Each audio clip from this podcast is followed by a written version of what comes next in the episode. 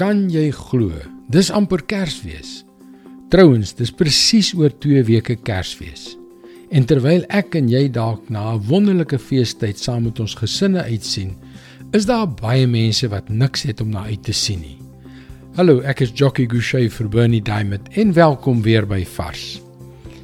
Ek weet nie hoe jou gesin tydens hierdie tyd voel nie, maar in ons sin hou ons daarvan om onsself af te vra hoe ons tot seën vir iemand in nood kan wees.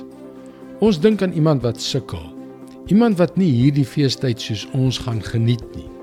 Iemand wat in die oë van 'n samelewing wat deur die aanloklikheid van vryheid, rykdom en sukses verblind is, nie regtig tel nie. Dis natuurlik nie uitsluitlik hierdie tyd van die jaar wat 'n mens aan die armes, die behoeftiges, die verlorenes en die verwondes moet dink nie.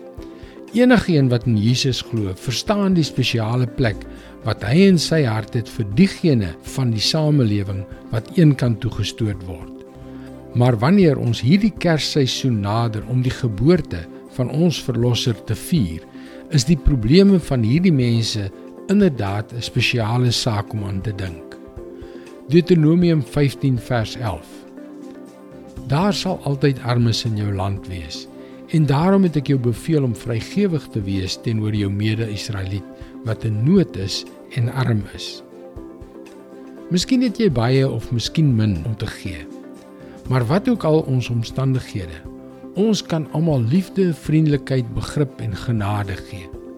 En as jy wel die finansiële middele het, soek asseblief iemand en gee mildelik en opofferend op 'n manier wat hulle lewe sal verander. Daarom het ek jou beveel om vrygewig te wees teenoor jou mede-Israeliet wat in nood is en arm is. Dit is God se woord vars vir jou vandag. Bid gerus en vra dat die Here jou sal wys wat hy wil hê jy moet doen. Jy het waarskynlik opgemerk dat ons 'n wye verskeidenheid onderwerpe hier op Vars bespreek. Jy kan gerus laat weet as daar enige onderwerpe is wat jy graag wil hê ek moet bespreek. Laat weet my asseblief by teachingtopics.org. Mooi loop. Tot môre.